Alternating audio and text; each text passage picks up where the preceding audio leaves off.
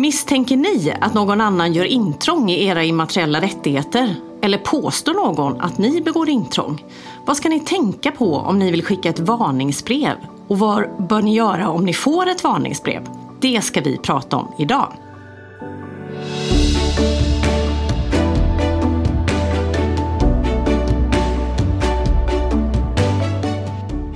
Hej och välkomna till IP-kompassen. Podden för dig som är IP-ansvarig, rd chef bolagsjurist, VD eller bara är intresserad av immaterialrätt. I den här podden så vill vi bjuda på nya infallsvinklar, våra egna erfarenheter och dela med oss av vår kunskap inom immaterialrättsområdet. Jag heter Anna Maria Lagerqvist Gam. Jag är advokat och arbetar som expert inom immaterialrätt på advokatfirman Vinge och med mig här idag har jag min kollega Lisa Bogart som också är advokat och arbetar med tvistlösning inom immaterialrätt på vårt Malmökontor. Hej Lisa! Hej Mia! Så kul att du ville komma hit till IP-kompassen och göra mig sällskap idag. Ja men jättekul att få inbjudan tycker jag. Men du Lisa, vi ska ju prata om det här med intrång och varningsbrev och så. Eh, men mm. för att liksom sätta scenen lite grann så är det ju faktiskt så att lagstiftningen då inom immaterialrätten, där ger ju faktiskt staten ensamrätt till upphovsmän och uppfinnare att under en viss tid då kontrollera hur deras resultat eh, får användas helt enkelt. Alltså resultatet av deras intellektuella arbete. Ja, det blir ju faktiskt ett litet minimonopol och det kan ju verka konstigt egentligen att man ska få en sån eh, rätt, men ett viktigt skäl är ju att det ger incitament till att uppfinningar och konstnärliga verk skapas och ensamrätten kan ju ses som ett slags, en slags belöning för det då. Ja, för hade man inte haft den så hade man ju inte haft något incitament kanske att lägga ner så mycket tid och resurser och tankekraft. Så att det hade ju hämmat utvecklingen kan man ju tycka. Men den här ensamrätten då som man får, den innebär ju faktiskt också att om någon annan utan tillåtelse då använder till exempel din uppfinning eller din design eller ditt varumärke eh, eller ditt upphovsrättsligt skyddade verk så kan ju det vara ett intrång i din rättighet. Och, och man måste ju också se till att man inte själv gör intrång i någon annans rättigheter. Men vad gör man då om man, om man misstänker att någon begår intrång utan att betala för det, alltså i form av till exempel en licens? Vad, vad, vad gör man då egentligen? Mm. Ja, finessen med att man har en ensamrätt, det är att man enligt lag då får muskler att hindra andras användning. Alltså man är, kan vara ensam på ett visst område. Och man kan göra på olika sätt. Man kan vända sig till domstol för att domstolen ska förbjuda motparten att fortsätta då med det här intrånget och tvinga dem att betala ersättning till dig. Och ibland kan det även bli aktuellt med straffrättsligt ansvar. Men ett första steg innan man gör all, alla de här domstolsprocesserna eller de alternativen, så brukar det vara att man skickar ett varningsbrev till motparten. Alltså att man kontaktar dem eh, som begår intrånget och informerar dem om, om den ensamrätten man har. Och så kräver man att de ska sluta. Eh, och syftet med det är ju att motparten ska känna till att man har upptäckt intrånget. Eh, och att man också på det här sättet kan ju nå en frivillig uppgörelse eller frivillig rättelse. Men du, kallas inte de här breven också för cease and desist letter? Jo, och det är ju för att man i sånt här brev kräver att eh, motparten ska upphöra, alltså cease, eh, med sin användning av exempelvis ett varumärke.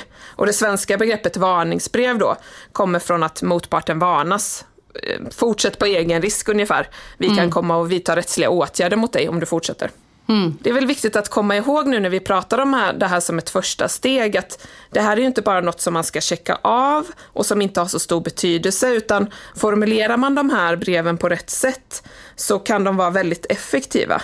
Ja, men jag håller verkligen med. Och jag menar, precis som du, min erfarenhet, så, så är det ju faktiskt ganska vanligt att, eh, att en motpart, då, den man skickar brevet, eh, tar emot det här och, och ganska ofta gör en frivillig lätt, rättelse. Mm. Så att det är ju ganska effektivt liksom, sätt att få stopp på intrånget. Men det finns ju faktiskt situationer där motparten inte gör det av olika anledningar. Eh, mm. och, och, där man istället då behöver driva kravet vidare i domstol. Men hur eh, kan, kan det här varningsbrevet då få någon betydelse inom ramen för en sån domstolsprocess om man skulle hamna där? Ja, men absolut. Ett exempel på det är att om man kräver skadestånd av motparten för intrånget så måste man ju kunna visa att motparten har agerat oaktsamt eller eh, med uppsåt då. Och det gör man enklast genom att vifta med det här varningsbrevet. Titta här, jag informerade om detta, det här datumet och därefter har de fortsatt trots att de kände till det här. Men när man då ska ta fram och skicka ett varningsbrev så är det ju faktiskt bra att känna till att eh, enligt svensk lagstiftning så finns det inga speciella formkrav eller, eller formella krav på exakt vad ett varningsbrev ska innehålla eller hur det ska utformas eller, eller till och med när det ska skickas eh, om man ska vara lite krass. Nej, samtidigt så kan man ju inte göra exakt hur man vill. För att i rättspraxis så har det visat sig att varningsbrev som inte utformas eller skickas på rätt sätt kan föranleda rättsliga konsekvenser för de som skickar det faktiskt.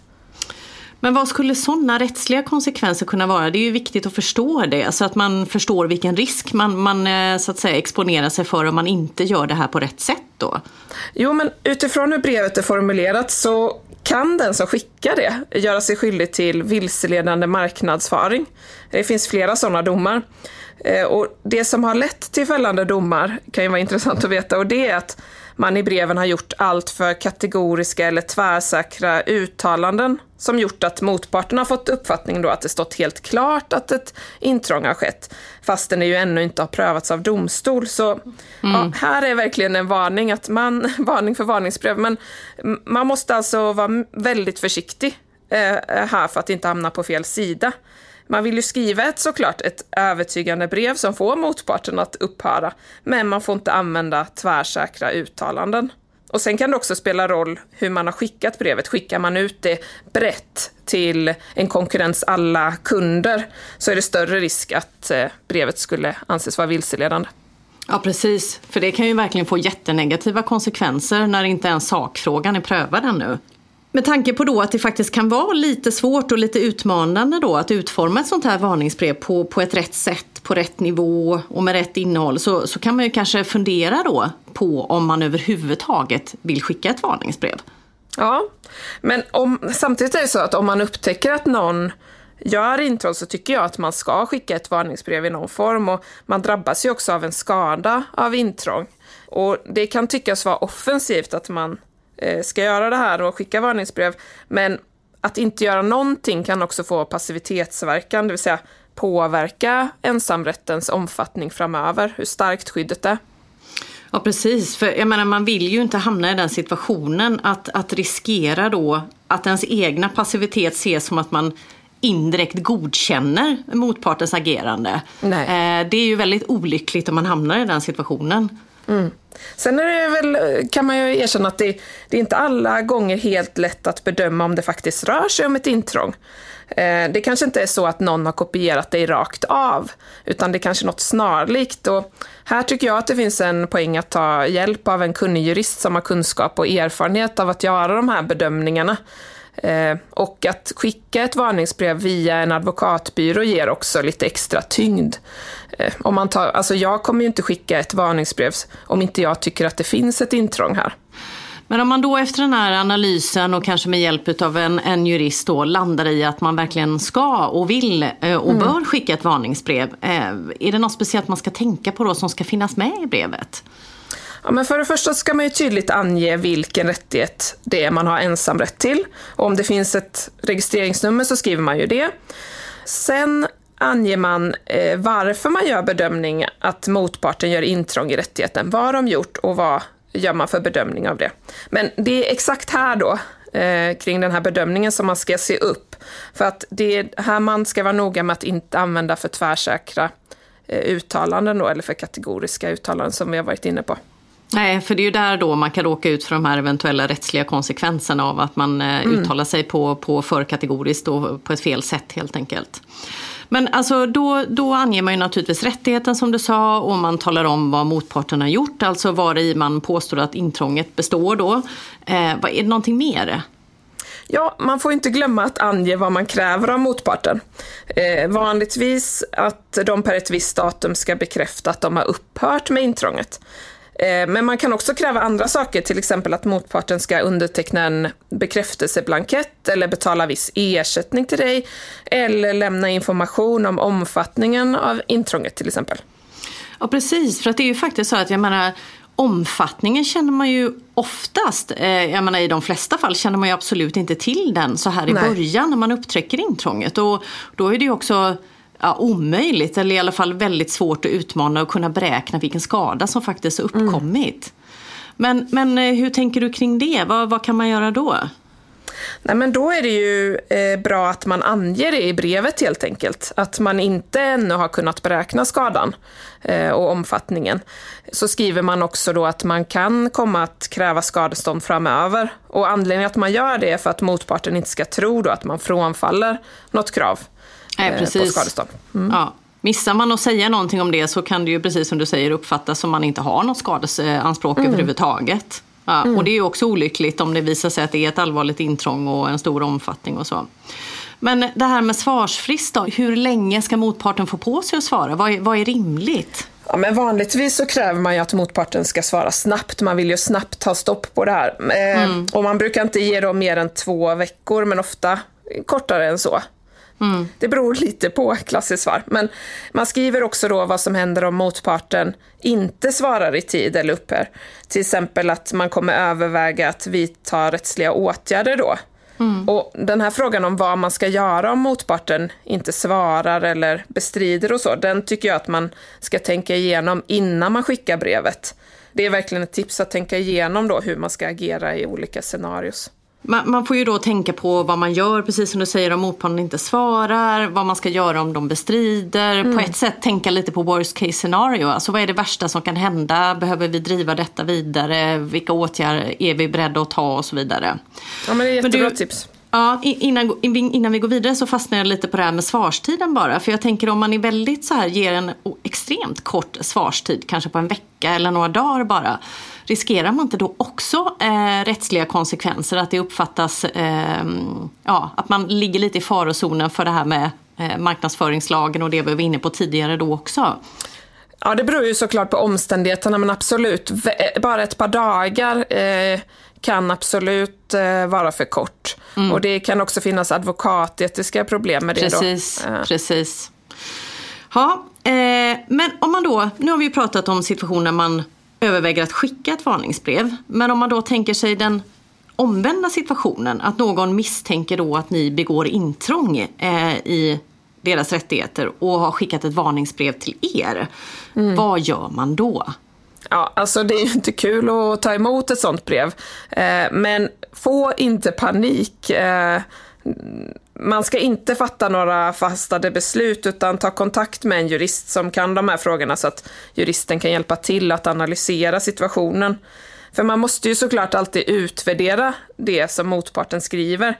Kanske har de formulerat det på ett sätt som gör att det verkar värre än vad det faktiskt är. Eh, så man måste göra en bedömning av påståendena i brevet. Stämmer det att det finns en rättighet? Eh, finns det något som gör att man kan ifrågasätta giltigheten av den rättigheten till exempel? Mm. Och jag menar, har, eh, en, en, fundamental sak, alltså har motparten stöd och bevisning för det de påstår? Mm. Eh, och, och, jag menar, tycker vi på vår sida också att det rör sig om ett intrång? Eller har vi kanske en annan syn på saken och andra argument att komma med? Ja, och det är ju del i en liksom, analys av riskerna, kan man säga, att göra en sån bedömning. Och utifrån en sån analysen så väljer man strategi. Eh, håller, man, håller man inte med om det som står i brevet, ja då är det naturligt att bestrida. Eh, men om man istället då kommer fram till att man har kanske till och med gjort intrång, eller i alla fall så finns det en överhängande risk för det, eh, så bör man ju istället då upphöra med användandet eftersom det finns ju risker med att fortsätta som tidigare. Motparten kan ju faktiskt inleda en rättsprocess här och kräva ersättning och skadestånd från dig. Mm. kan ju bli en del kostnader förknippade med det mm. Eh, och andra problem naturligtvis. Men man kan ju faktiskt också komma fram till att, ja, att det inte spelar så stor roll. Alltså att man inte är så beroende av den här användningen då. Eh, och att man faktiskt mm. skulle kunna upphöra ganska oproblematiskt. Alltså det kanske inte är affärskritiskt, det kanske inte är något viktigt, eh, det kanske var ett misstag och så vidare. Eh, då kan det ju också vara ganska enkelt att faktiskt gå motparten till mötes och då funkar ett sånt här varningsbrev väldigt bra. Ja, och om det däremot är så att man faktiskt vill fortsätta som tidigare så är ett tips att försöka komma överens om det eh, med motparten. Kanske genom ett licensupplägg som gör att ni båda två kan fortsätta med era verksamheter som planerat. Men om man vill försöka få till stånd en uppgörelse så, så tänk bara på att det ofta krävs att det första svaret är juridiskt och strategiskt eh, genomtänkt. Så svara inte innan du har stämt av med en jurist. Men nu har vi ju pratat om olika sätt då att svara på ett varningsbrev när man får det till sig. Men, men är det så att man alltid ska svara? Eller hur ser du på det? Ja, det här är inte en situation där man ska stoppa huvudet i sanden utan man ska alltid svara i någon form. Nej, men jag eh, håller verkligen med. Ja. ja. och det, liksom om man inte gör det så kan ju det uppfattas att man är rädd för konfrontation som kan göra att motparten trycker på ännu mer. Eh, och det kan också uppfattas kanske till och med som att man medger det här kravet. Verkligen. Och sen är det ju såklart en balansgång hur mycket man svarar och vad man svarar och så vidare. Men, men summa summarum så ska man svara i någon ja. form. Ja, det är vi ju helt med. överens om. Ja. Mm. Men du, några andra så praktiska eh, tips Ja, men eh, tips eh, nummer ett. Eh, om man når en frivillig uppgörelse så är det bra, speciellt för den som har skickat varningsbrevet, att dokumentera uppgörelsen. Mm. Vi jurister gillar ju detta. Eh, men man bekräftar till exempel motparten att man ska upphöra med intrånget, så kan det räcka med en enkel skriftlig bekräftelse via mail, eller ännu hellre genom att fylla i en bekräftelseblankett som man kan skicka ut tillsammans med varningsbrevet. Då. Så blir det en precis. dokumentation i någon form. Mm. Ja, och jag menar, är det en uppgörelse i form av en licens till exempel, då, då behöver det ju verkligen vara ett regelrätt avtal som man får på plats. Alltså, då räcker det ju inte med en e-mailkonversation. Nej, det är, det är ju många frågor som behöver Precis. regleras då. Mm. Ja. Och så tips nummer två, eh, det är att man ska bevissäkra innan man skickar i, iväg varningsbrevet. Det är mycket enklare att göra det innan. Eh, motparten kan ju till exempel ändra eh, information på en hemsida etc. efter de har tagit emot varningsbrevet. Och då blir det mycket svårare för dig att eh, få fram bra bevis. Eh, så gör det innan. Mm. Eh, och sen slutligen tips nummer tre. Om ni har en rättsskyddsförsäkring, kontrollera om intrångssituationer omfattas. För i så fall kan ni få ersättning från försäkringsbolaget för advokatkostnader då. Ja, det är ju riktigt bra input. Så att Lisa, för att sammanfatta då så är det alltså följande saker som ni ska tänka på i förhållande till varningsbrev. Om ni misstänker att någon gör intrång i immateriella rättigheter, skicka ett varningsbrev så att motparten informeras om er ensamrätt och så att ni kan försöka nå en frivillig uppgörelse. Tänk på att inte använda för tvärsäkra formuleringar i brevet. Bevissäkra innan ni skickar varningsbrevet. Och är det så att ni tar emot ett varningsbrev, då ska ni ta kontakt med en jurist så att ni får hjälp att analysera situationen. Få inte panik, fatta inte några förhastade beslut, utvärdera brevet men svara. Och undersök om ni kan få ersättning för ombudskostnader via er rättsskyddsförsäkring. Det var allt för idag. Tack så jättemycket för att du lyssnade. Ta hand om er så hörs vi snart igen.